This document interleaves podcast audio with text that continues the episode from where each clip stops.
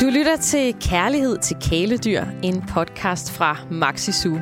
Jeg hedder Tina Heibøl, og i denne her, den allerførste episode, har jeg besøg af ja, en af de allerstørste dyrelskere, jeg i hvert fald kan komme i tanke om. En, der i den grad har et hjerte, der banker for dyrene. Velkommen til dig, Linse Kessler.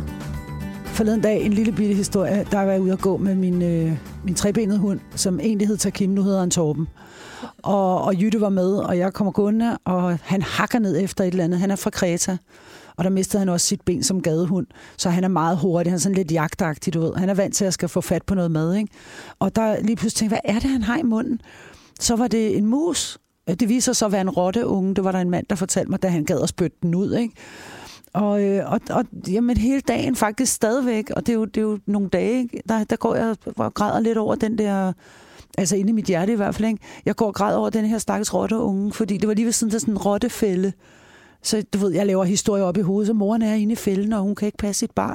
Hvis du kunne lide det, du hørte, hvis du synes, det var inspirerende, så vil jeg blive rigtig glad, hvis du vil dele podcasten med en dyreven, som du tænker også kunne have glæde af den. Tak fordi du lyttede med.